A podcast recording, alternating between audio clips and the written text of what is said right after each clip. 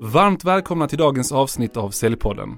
Leonardo Johansson heter jag och är stolt programledare i podden där vi intervjuar experter och säljchefer, säljare, toppsäljare, alla möjliga där ute som vi kan komma att tänka på som kan ge er som lyssnare ett stort värde i er vardag med massa praktiska säljtips. Idag har vi med oss ingen mindre än Magnus Stäv som är ansvarig för Telenors fysiska säljkanaler och som ska avslöja några av hemligheterna bakom deras säljframgång. Och jag har fått en liten sneak peek på vad han tänker berätta och det är verkligen relevanta saker för de allra flesta säljare där ute oavsett bransch. Magnus, varmt välkommen till Säljpodden.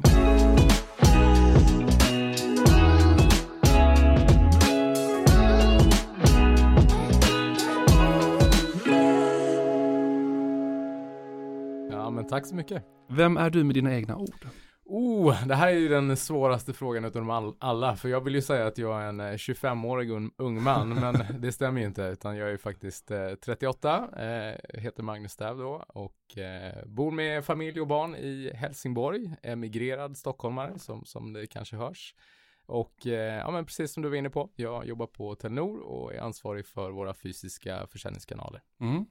Och du berättade för mig i den här förintervjun inför podden att du kanske inte var någon född naturlig säljare. Nej, det skulle jag inte säga att jag är. Nej, men hur kommer du in på sälj då? Eh, egentligen väldigt, väldigt tidigt. Eh, jag har spenderat eh, väldigt många lov under min ungdom på autobahn och på sågverk i, i Småland med en, en styvfar då som var, var egen företagare och stereotypen kanske utav en liksom resande säljare med 200 resdagar per år. Så det, det kom väldigt, väldigt tidigt. Men sen när jag själv började jobba så började jag jobba inom, inom restaurang och eventbranschen. Så där, det började jag med nästan i 15-årsåldern och höll på med under hela min studietid egentligen. Och ja, sen landade jag i, i sälj.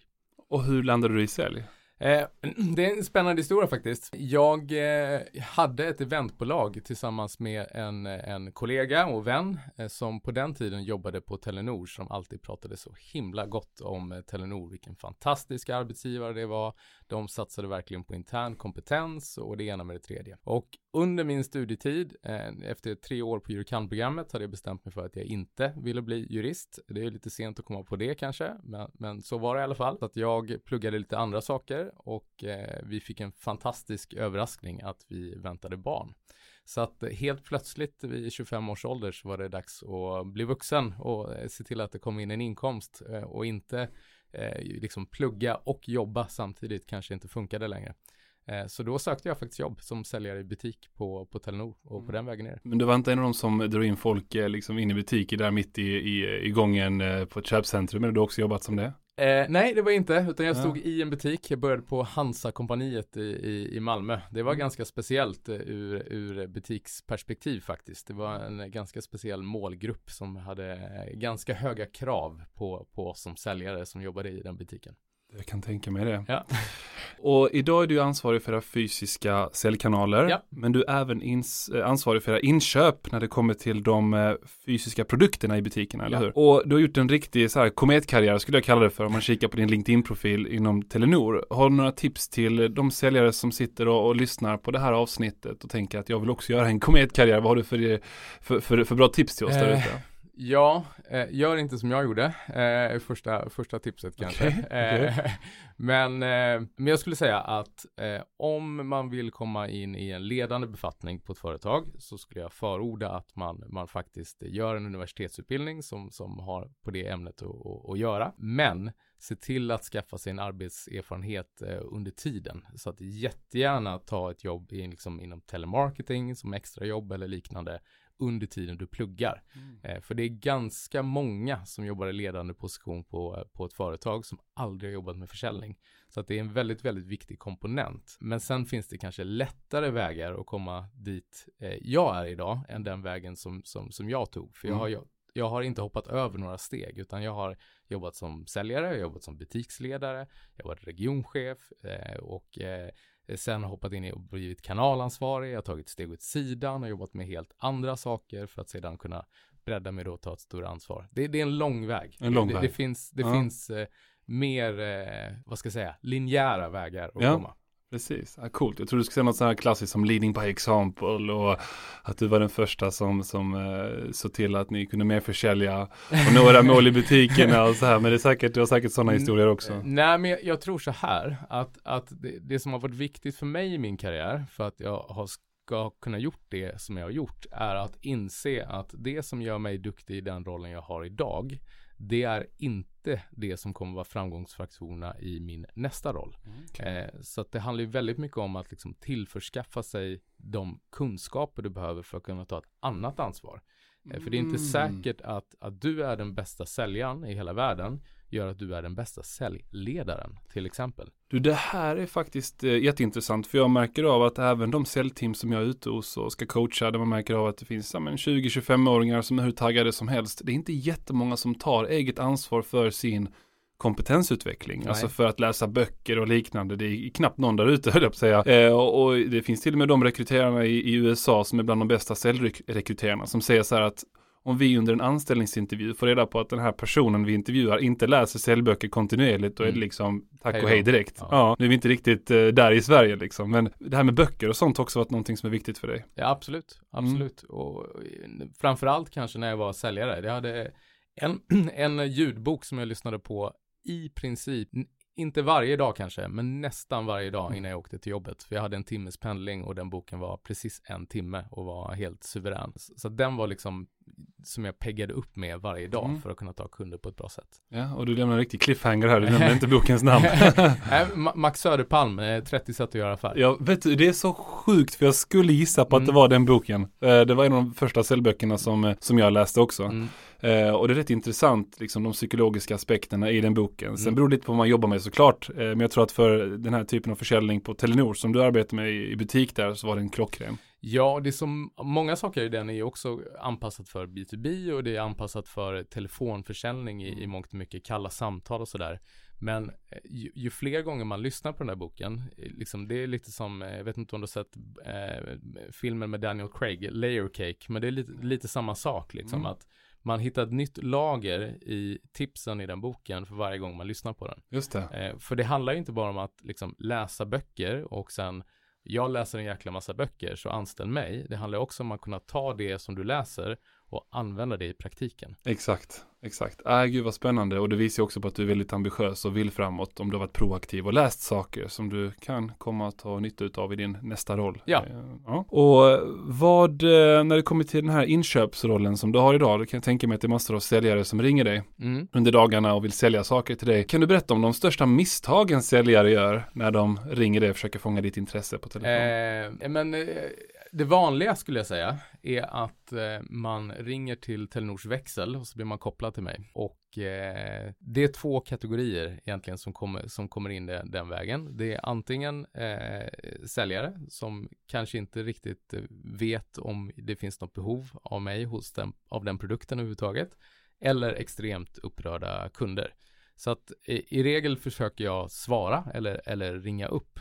Eh, men det Ofta kan jag inte svara på en gång. Jag sitter ofta i ett möte. Och det som väldigt vanligt är att nummer ett, jag söker på numret så finns det inte publikt. Så det går inte att se vem som har ringt. Nummer två, det är ingen som lämnar något meddelande. Mm. Och det värsta som kan hända är att jag ser att det är ett nummer som ringer mm. och det fortsätter ringa om och om igen. Men det är inget meddelande. Mm, okay. Då vet jag att det är en säljare. Just det. Bra där. Så om vi börjar där och sen så kan vi gå in på när de väl får tag på dig, vad, vad för misstag de kan göra då innan vi hoppar in på era framgångsmoment som du ska förmedla idag. Ja. Inget meddelande. Jag har varit lite kluven här för jag utbildar också företag inom kalla samtal så här. Och en sak många frågar mig, men ska jag lämna ett meddelande eller inte? Och jag säger att ibland kan det vara så att när man lämnar, lämnar ett meddelande, det beror lite på liksom vad man säger i det meddelandet. För om man är för avslöjande med liksom vad man säljer och går in för mycket på det så kan det mer vara lätt för motparten att säga, nej det här var inte intressant intressant. Men om man lämnar en tydlig cliffhanger i det, man är rätt tydlig med vad man vill ändå, men ändå lämnar en tydlig cliffhanger, då har man fortfarande en chans att få ett ja eller nej på telefon, vilket kan vara lättare att bemöta. Ja. Men berätta, hur tycker du att man ska agera? Eh, men jag tycker nog, eh, jag tycker du är inne på rätt spår. Antingen lämna en cliffhanger, annars, alltså så här, det är också ganska skönt att få ett snabbt nej som säljare om det nu är så att det ändå inte kommer bli, bli affär. Och i många av de här fallen så upplever inte jag kanske att när jag väl ringer upp så det hade inte spelat någon roll om det var ett meddelande eller om det var ett samtal. För det finns liksom ingen man har inte faktakollat om det här är överhuvudtaget en tjänst. Det är oftast, oftast är det tjänster faktiskt som, som eh, säljare ringer med som jag har något behov utav. Just det. Men du, jag måste utmana det här lite ja, grann, för shit. det är kul. För jag, jag, jag kan nog hålla med dig i de flesta fall, men om jag minns tillbaka till tiden då jag ringde och sålde CRM-system, Ja. Och när jag då ringde upp i början, det var ingen som hade lärt mig eller kunde lära mig hur jag skulle sitta och, sitta och kallringa. Nej. Och då tänkte jag, ja men jag ska ju snabbt få reda på ifall de har ett behov eller inte. Så att jag ringer och ganska snabbt presenterar att jag alltså vi tillhandahåller CRM-system, det kan vara intressant att titta på. Och så var den här klassiska liksom 10 knack och ett tack. På den mm. tiden var 10% mm. hitrate ganska dåligt i, i mötesbokning, men nu för tiden är det kanske det är lite bättre. Ja, exakt. Ja. Fem men, är bra nu. Ja, ja men precis, 5% är bra nu. Men när jag sen ändrade hela liksom inställningen till att försöka ha någon typ av intresseväckare som kanske inte direkt innebar att jag avslöjade att jag sålde ett CRM-system utan snarare kunde hjälpa dem utveckla deras försäljning eller vad det än var. Jag ska inte gå in liksom i detalj på den pitchen. Ja. Men då lyckades jag få en hitrate på 25 till liksom 25, 28, 30 procent till och med i vissa fall. Ja. Alltså det innebär att när man säger någonting, om jag, säger, om jag ringer upp dig och jag säger, ah, men du jag säljer den här typen av pennor, den här typen av tjänst och liknande. Det är ganska lätt för dig att säga nej. Mm. Men om man själv vet att man har någonting unikt att erbjuda på ett kanske lite annorlunda sätt än din första uppfattning om vad den här liksom tjänsten eller produkten innebär, då, då ger inte jag mig en tillräckligt bra chans som säljare att kunna sälja till dig som inköpare om jag direkt säger vad det är jag säljer. Nej, Men jag fattade ur ditt perspektiv att du vill ju veta, är det här intressant eller inte? Jag, Magnus, har så mycket erfarenhet att det kan jag säga ganska snabbt. Men jag skulle ändå säga att när det kommer till lite mer komplexa produkter och tjänster så vet inte jag om det är rätt väg att gå, att det blir ett snabbt nej. Potentiellt inte, men, men eh, det bästa i så fall skulle jag kanske säga är att komma till ett, ett planerat samtal mm. Eh, där du får lägga de poängerna. Coolt! Nu, nu är vi inne på någonting som jag tycker är rätt häftigt. Berätta lite mer hur du tänker där. Nej, för att om du bara pitchar att, eh, nu ska vi se vad, vad en av de senare grejerna var. Eh, eh skulle det vara intressant för dig att eh, köpa in det här analyssystemet som gör att du hela tiden kan vara on topp av eh, eran försäljning? Det har jag redan. Ja. Så att det blir liksom, vad är det du ska erbjuda med ditt analyssystem? Nej, men du kan få dashboards och hitan och ditan. Ja have it. Ja exakt, det blir mycket futures, eh, fe features, inte futures, e features och liknande. Ja. Prata istället om liksom, vad är det som, jag skulle vilja ha ett samtal med dig för att prata om eh, vad vi kan erbjuda i analysväg. Vi har en produkt som är helt unik, jag förstår att ni har dashboards och egna eh, saker idag, mm. men jag skulle åtminstone få till en tid och kunna visa dig, dema vad det är vi kan erbjuda. För jag, jag tror att vi har någonting som ni inte har. Mm. Och, och, jag tycker att, att det du är inne på är, är, väldigt intressant. För under de senaste åren så har jag sett att de mest upptagna beslutsfattare, alltså du som ändå har ett så stort ansvarsområde på ett så stort företag, de uppskattar när man istället för att vilja boka in någon liksom en timmes möte där man ska gå igenom allt möjligt, att man bokar in ett samtal först Eh, men att man har en tydlig pitch inför det samtalet för att liksom känna på varandra lite grann och veta om det är intressant att överhuvudtaget ta ett möte. Så att eh, jag tyckte att det var mycket, mycket mer intressant väg att gå eh, i det fallet. Ja, och om jag säger nej mm. så skulle det också kunna vara så att det sitter någon i min organisation som däremot tycker att men det här är ju Magnus, du är helt fel. Det här är det bästa som har hänt. Det är klart att vi ska köpa in det här.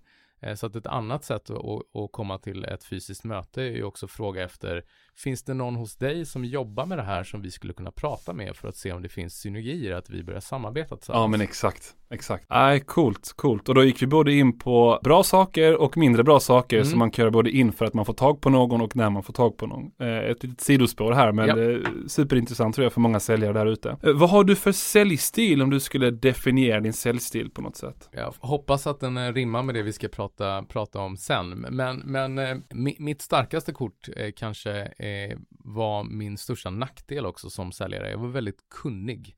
Eh, mm. Så att jag hade koll på liksom det mesta. Okay. Och det är ju bra, fast det kanske inte är, är alltid är bra ifall eh, du ger all din kunskap till kunden. För det kanske inte de har ett behov av. Så det, det, det var liksom mitt, min grundinställning och det är därför jag säger att jag, jag är nog mer nörd än vad jag är säljare eh, utifrån ett, eh, det perspektivet. Så att det intränade beteendet som jag fick jobba väldigt mycket med, det var att bli den lyssnande säljaren. Eh, för att sen kunna prata om de sakerna som faktiskt var intressant för kunden med liksom högt intresse, stor passion. Då eh, nådde jag en, en bra försäljning.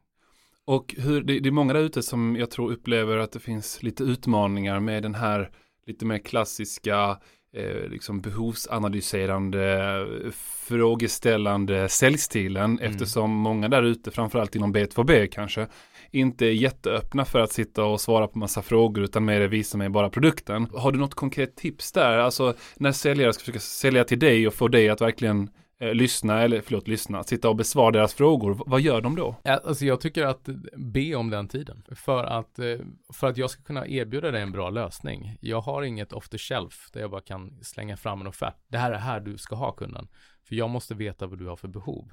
Så att om det tar mig, det tar några minuter, men jag skulle behöva ställa lite frågor till dig. Sen lovar jag att du ska få med dig en offert härifrån. Alltså sjukt bra, grymt. Det känns som att vi är väldigt samspelta på de här så? bitarna. Ja, men jag, jag märkte av det att, att när säljare kommer ut på möten och träffar på någon som man känner att här är någon liksom verkligen en auktoritär person som vill bestämma över agendan och knappt vill sitta och besvara frågor. Att man i början av mötet ber om den tiden. Att ja. säga att jag förstår, du är säkert eh, nyfiken på produkten eller lite mer om våra tjänster. Eh, men det jag behöver att vi gör innan vi kommer dit är att jag får ställa dig ett par frågor för då vet jag hur jag ska anpassa mitt budskap utifrån det som är intressant för just dig. Känns Exakt det okej? Okay? Alltså be, be om den bekräftelsen och, och, ofta kommer det skapa ett tålamod också i dialogen. Exakt. Eh, coolt. Mm. Jag tänkte så här, mm, mm, mm, mm, man kan ju lätt få uppfattningen om att eh, nu är jag väldigt fräck när jag uttrycker mig så här, men om att liksom kränga mobilabonnemang kanske inte är världens mest komplexa säljjobb. Mm. Eh, och de säljare som sitter och lyssnar på det här kanske tänker att ja, men jag har ju en mycket mer komplex produkt eller tjänst och vad kan jag lära mig av det här avsnittet? Och mm. som sagt, jag har ju fått en sneak peek på vad du tänker säga så jag vet att det här är intressant.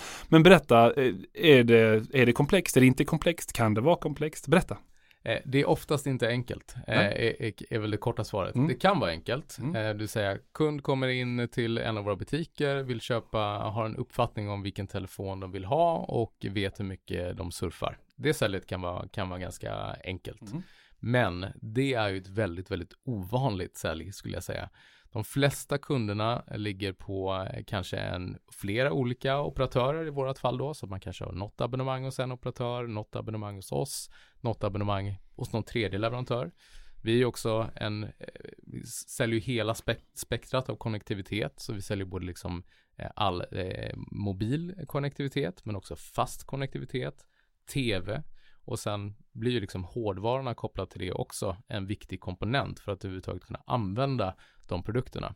Sen säljer vi både till konsument, men vi säljer också till företag.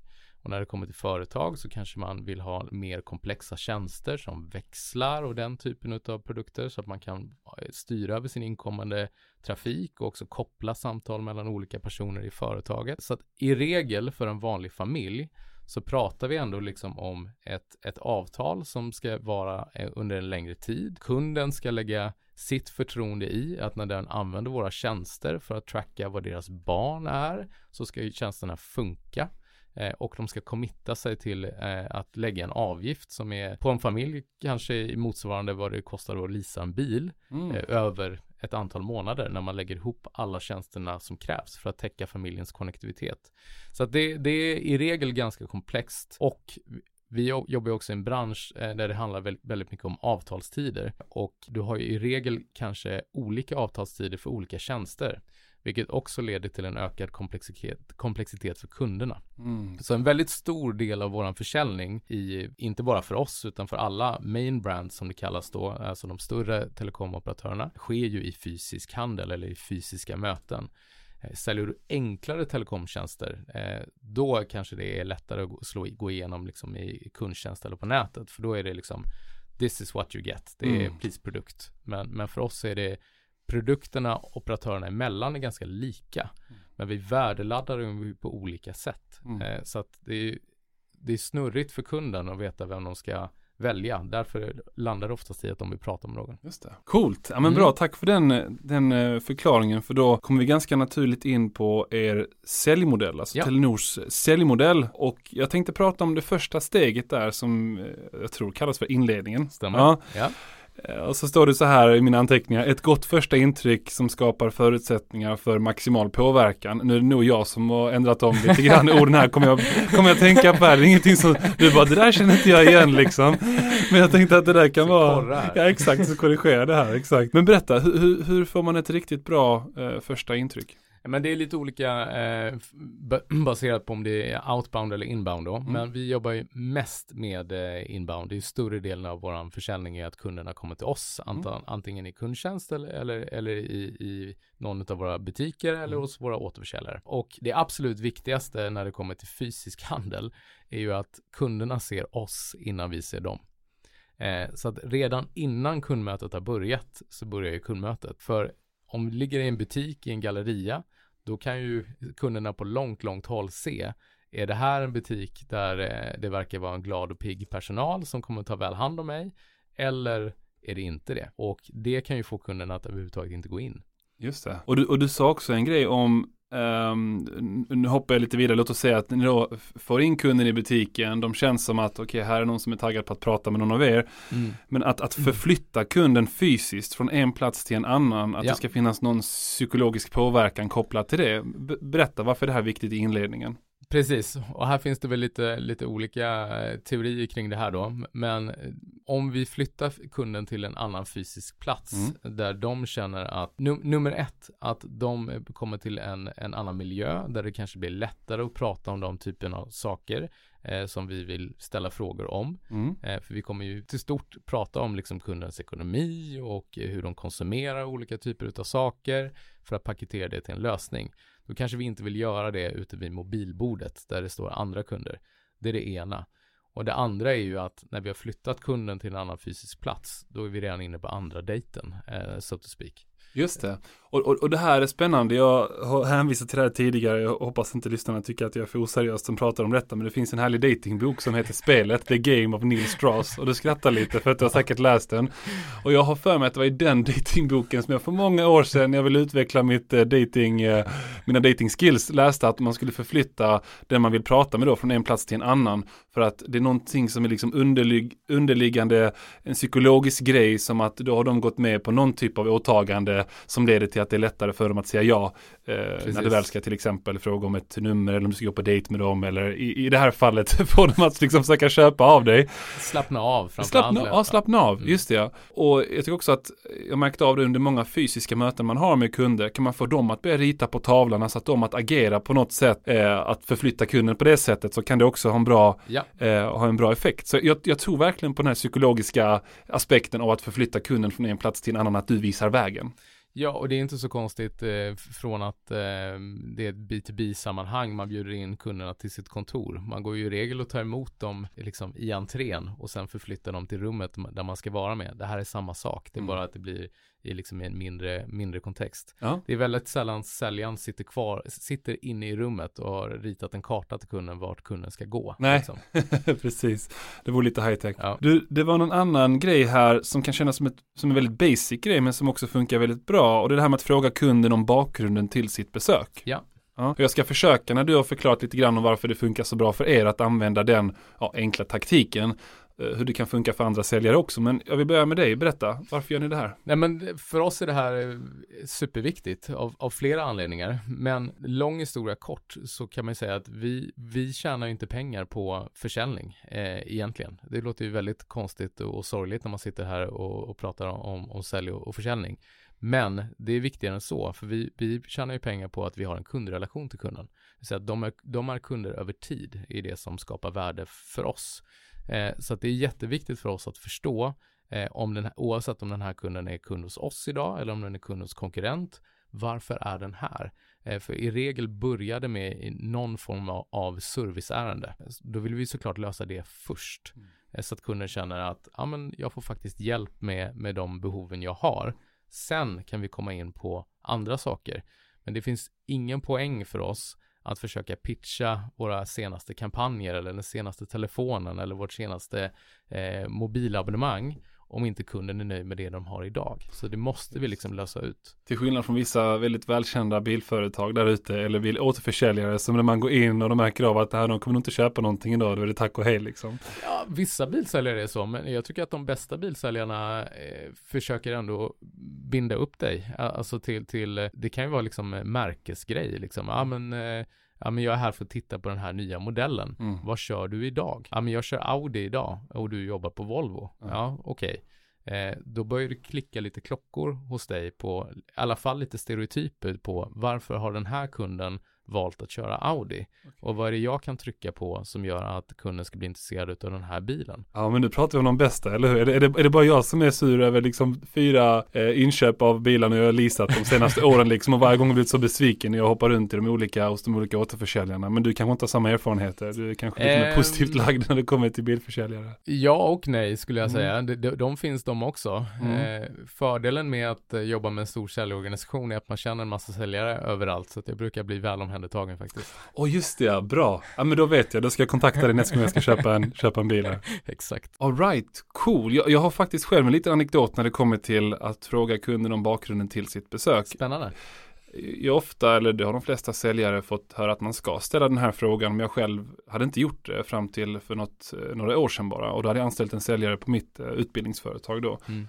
Och då märkte jag att när han ställde den frågan så blev kunden lite ställd ibland för att han hade bokat rätt mycket så här kalla möten. Mm. Men då tvingades de liksom justify, alltså förklara varför de tog det här mötet. Och då blev de lite mer committade i mötet också märkte jag. Och så där så här, ha, tog jag det här mötet med det? Jo, ah, men jag har varit lite nyfiken på det här med kompetensutveckling. Alltså det finns så många bra saker man kan liksom få fram genom den här frågan som man inte har tänkt på. Och det kan vara att kunden har ett visst behov som man inte ens hade fått fram i sin vanliga behovsanalys. Ja, men det här med säljutbildningar, vi vill verkligen satsa på vår personal och visa att vi satsar på dem. Eller när det kommer till eh, mobillösningar och liknande. Ja, men jag är så trött på att ha dålig täckning i det här området. Vad den kan vara, där får man fram kundens primära anledning, det som är top of mind hos dem. Ja. Och det kan man sen spinna vidare på och anpassa sin liksom, kommunikation utifrån. Så jag tycker att den frågan är väldigt enkel, men det är inte alla säljare som ställer den frågan eh, idag. Nej, också om du jobbar i, i en eh, inbound-verksamhet och du säljer en väldigt stor portfölj så måste du också någonstans försöka kategorisera in kunden eh,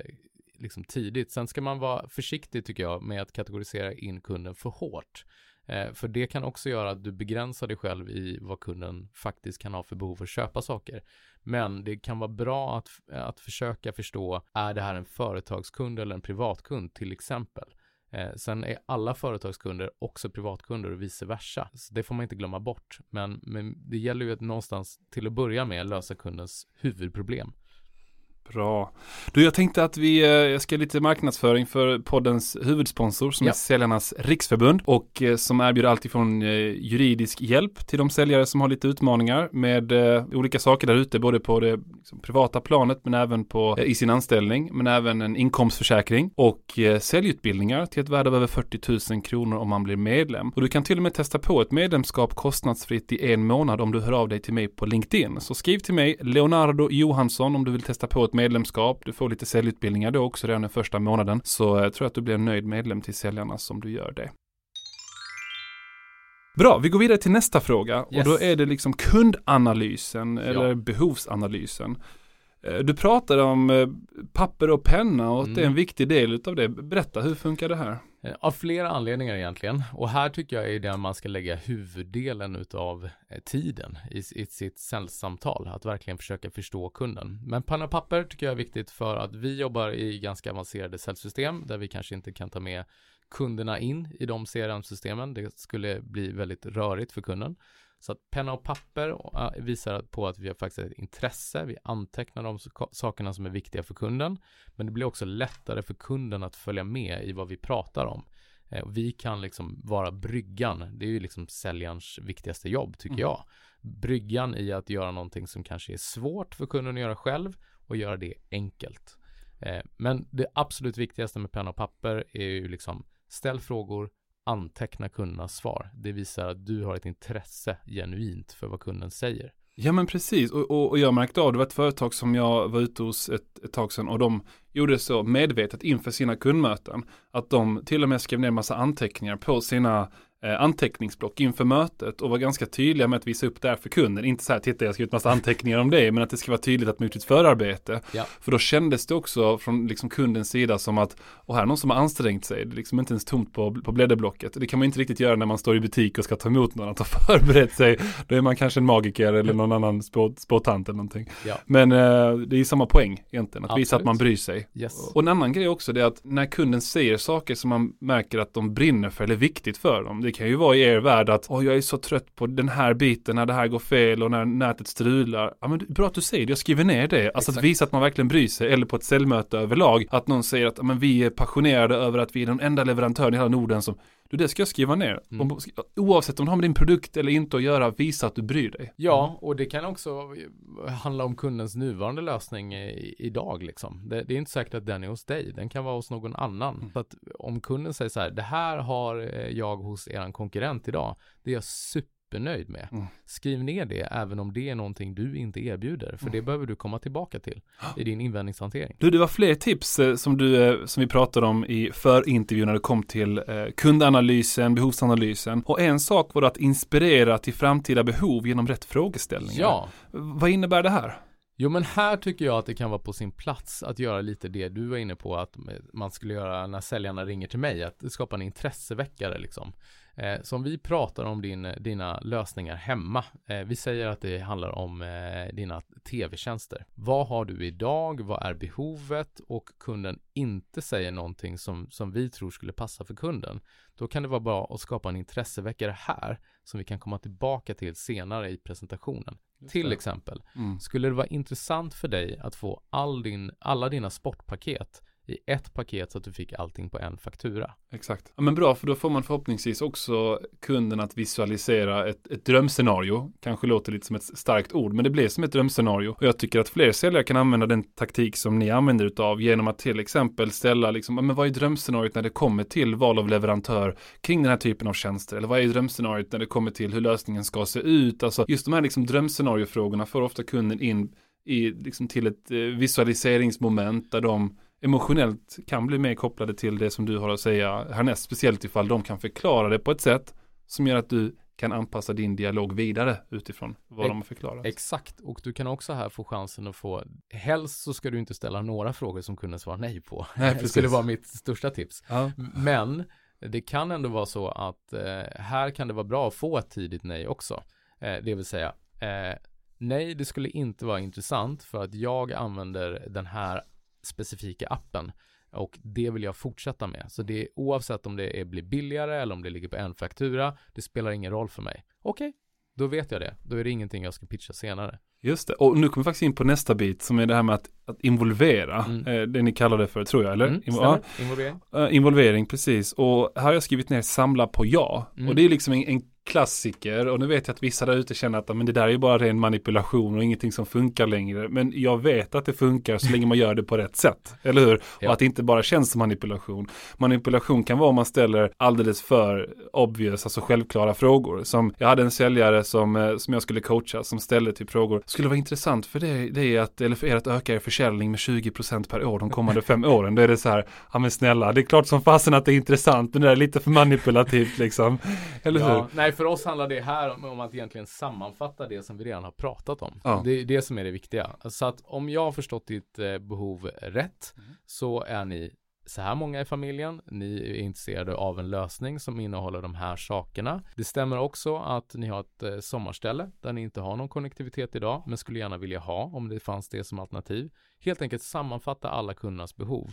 Och har du gjort ditt jobb i det tidigare steget här, då kanske du också har lyckats med ett par intresseväckare med frågor som kunden, med, med saker som kunden inte visste att det var deras eh, behov när de kom in, men när de har sagt ja till dig.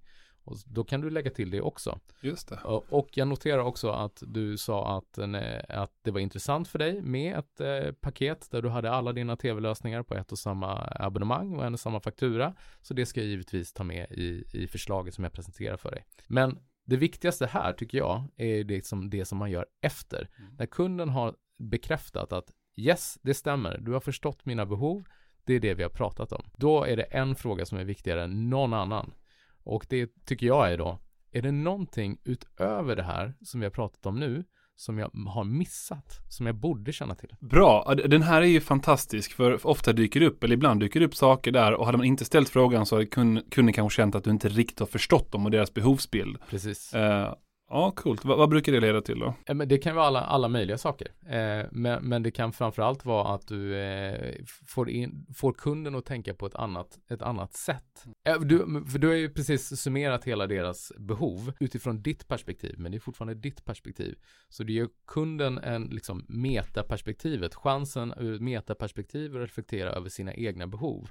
Och då kommer de oftast lägga till saker. Så, så först få x antal ja genom ja, ja nej, eller inte ja nej frågor men mer bekräftande frågor egentligen. Som ja. både visar på förståelse och hjälper er få affären genom att man får delaccepter och liksom den här jaets förmåga att hjälpa er vinna affären. Ja. Men eh, även att sen komplettera det med en mer öppen fråga för att få kunden att eventuellt öppna upp sig ifall det finns någonting som, som man saknar där. Jag, jag tänker på det här, alltså generellt sett med inte bara delaccepter men med att fiska efter ja eller bekräftelser. Det är också någonting som många säljare kan jobba mer på. Alltså både när det kommer till den här biten att bekräfta behovet, men även när det kommer till om man ska berätta en storytelling om en eh, referens som man vill hänvisa till. Alltså bygg upp den här storyn på sätt så att du kan i, i efter att du berättat första biten av storyn bekräfta med kunden att det här är relevant kundcase, att det är ett relevant scenario, att det liknar sig vid deras situation på något sätt. När du berättar om utmaningarna som du kanske fokuserar på, eh, stämmer det överens med de utmaningar som du, alltså att hela tiden försöka involvera kunden i dialogen. Ja. Men även när man bemöter invändningar. För ibland kan det vara så att man har fått en invändning och så tänker man, oj, jag har världens bästa svar på den invändningen. Mm. Och så ger man det här svaret och sen sitter kunden bara tyst och då går man vidare. Mm. Istället för att bekräfta med kunden, gav jag svar på din fråga eller på den här oron som du hade? Nej, faktiskt inte. Nej, men berätta, vad är det mer du tänker på? Alltså just den här bekräftande frågan är det inte alls många säljare som, som ställer liksom i invändningshanteringen. Nej, och man kan också använda, alltså invändningshantering är ju skrämmande för många säljare för det är ju jättejobbigt. Du har lagt ner en jäkla massa tid på, på den här kunden och helt plötsligt så, så lägger du över ansvaret på kunden och säger ja eller nej. Men eh, jag menar ju att de bra säljarna lägger inte över det ansvaret utan de jobbar med det ansvaret tillsammans med kunden. Och när det kommer en invändning, det är ju det bästa, bästa tillfället som finns att ställa ett omavslut. Liksom, okej, okay, jag hör vad du säger, jag förstår. Om vi löser det här, är det, finns det några andra invändningar behöver ta hänsyn till? Kan man också ställa där så att du får alla invändningar på en gång? Precis. Så att du inte jobbar mot dem en och en. Ja. Men, men, och summera det, om vi löser det här, har vi en affär då? Exakt, våga gå på avslut på Exakt. det sättet. Ja, underbart. Och då när kunden säger Ja, varför inte? Det här är kanske enda gången som jag skulle säga att man fiskar efter ett, ett, ett nej, man fiskar inte efter ett nej, man vill inte att kunden ska säga att de inte vill ha. Jag tänkte mer som en avslutsteknik, finns det någonting som hindrar oss från att göra affär ja. om, om det nu är så? Eh, och du vet, då kanske du säger, nej jag vill inte ha retoriken på det sättet för då får man ett nej. Men för min del i det fallet så har det funkat rätt bra i alla fall. Att om vi då löser den här biten, finns det någonting som hindrar oss från att göra affär idag, eller från att inleda ett samarbete? Mm. För, att, för att jag upplever i alla fall, jag säger att du är tveksam, mm. vilket är kul, för då kan vi liksom, jag upplever upplever att när man ställer den frågan till kunden, eh, då blir den så här, då måste de ju komma på något annat. Om det är så att de har en invändning, ofta lyckas de inte komma på någonting där, så bara, nej det är det inte. Vad bra, men då ska jag besvara den frågan och så hoppas jag på att vi kan bli, berätta nu, nu har du en invändning på, på min eh, avslutsteknik här. Nej, alltså jag skulle inte säga att det är fel. Alltså jag tror generellt, generellt att det, man kan ha många olika metodiker. Man behöver inte vara rädd för, för nej. Jag tror att det som är gemensamt viktigt för att bli framgångsrik som säljare är att det finns en metodik. Ja. Eh, det är liksom A och O. Eh, för då kan du jobba i den metodiken och också testa. Våra metodik är, är, är ju liksom förslag på olika steg, i de olika stegen på vad säljarna bör ställa för frågor eller liksom hur de bör presentera saker. Men det är inget facit. Eh, utan det är en metodik där du kan också använda dig själv och din egen personlighet i den metodiken. Så ja. det, den, den ska ju liksom, du, metodiken ska ju jobba med dig. Du ska inte vara en slav under metodiken. Mm. Men, men det är fortfarande viktigt att, att, för om du inte har en metodik, då blir det väldigt svårt att ställa en diagnos på var, var går det fel i den här säljarens säljprocess. Ja men precis och väldigt många säljare går bara på magkänsla. Ja. Behöver ingen metodik. Det kommer kännas som manipulativt. Alltså metodiken är inte till för att manipulera kunderna. Den kan ju användas till det om man vill. Men ja. den är snarare till för att om du vet att du har liksom en påse pengar med värde som du kan skapa för en kund. Eh, hur agerar du på bästa möjliga sätt från ax till limpa i din dialog med kunden? För att se till att de verkligen förstår det du redan har förstått. Mm Precis. Eller förhoppningsvis vill utreda tillsammans med kunden om ni kan skapa det här värdet. Och precis som du säger, när man är liksom lite mer analytiskt lagd eller tvingar sig själv vara lite mer analytiskt lagd i sin säljmetodik, då vet man också var ska jag förbättra mig. Ja, och jag, jag tror också att det blir lättare ur ett ledarperspektiv också. Vi mäter kundnöjdhet som, som många andra eh, när, när kunderna handlar såklart och då, då får vi liksom anonymisera, anonymiserade svar på vad kunderna tycker med kanske en kommentar. Och där måste man ju också ta learnings från, okej, okay, i kundens kommentar här eh, med ett ganska negativt betyg, var går det fel i säljarens säljprocess? Var ska jag som ledare coacha säljaren i att han behöver jobba mer i sin säljprocess? Och har man ingen metodik så blir det väldigt komplexa samtal. Mm. Eh, för då kommer du, det kommer inte gå bena ut, utan då kommer allting bli liksom som en ja, rörig gryta av, ja. av eh, kunden sa, jag sa. Eh, det kommer inte gå att reda ut liksom, eller coacha den säljaren på, på ett effektivt sätt. Nej. Äh, du, stort tack för alla de här tipsen. Vi har gått igenom allt ifrån hur man inte ska och kan agera i liksom, telefonsamtalet, både utifrån din roll som inköpare men även din de roller du haft som säljare, de säljare som du coachar idag. Vi har gått igenom hur vi ska liksom inleda en dialog med en kund oavsett om de kommer till en butik eller ifall det här är i början av ett eh, kundmöte. Vi har gått igenom bra tips kring behovsanalysen, hur man involverar kunden och även lite avslutstekniker. Så att jag, jag är supernöjd med det här avsnittet, måste jag säga. Härligt. Eh, är du nöjd? Jag är mycket nöjd. Ja, vad bra. Du, jag tänkte varför och hur tar man kontakt med dig vid intresse? Eh, lättast är LinkedIn skulle jag säga. Mm. Magnus Stäv heter jag där. Eh, finns inga andra så att eh, hittar ni mig så, så är det jag. Stäv med två ä. Stämmer så att bra. ni kan nog börja med att söka på Stäv. S-T-Ä-Ä-V så kommer ni hitta honom. Stämmer. Vad bra. Och varför tar man kontakt med dig då? Eh, det kan man göra av flera an eh, olika anledningar. Eh, om man vill diskutera det vi har pratat om här idag så hade det varit super, superintressant. men också om man är intresserad av vad vi har att erbjuda kan man kontakta, kontakta mig. Eller så kan man gå in på telenor.se karriär. Där hittar man också alla, alla tjänster som finns tillgängliga just nu. Coolt. Ja, men som sagt, stort tack igen för att du kom hit och eh, en till uppmaning till er där ute som lyssnar på podden som ännu inte är medlemmar i Säljarnas. Lägg gärna till mig på LinkedIn, Leonardo Johansson och säg att ni är nyfikna på att testa på ett medlemskap så ska jag skicka er en länk där ni kan i en hel månads tid få lite säljutbildningar och eh, som förhoppningsvis leder till ett medlemskap där ni får både inkomstförsäkring, juridisk rådgivning, karriärsrådgivning och mycket, mycket, mycket mer för en liten peng per månad. Ja, stort tack för idag Magnus. Snyggt, tack så mycket. Grymt, ha det gött. Hej!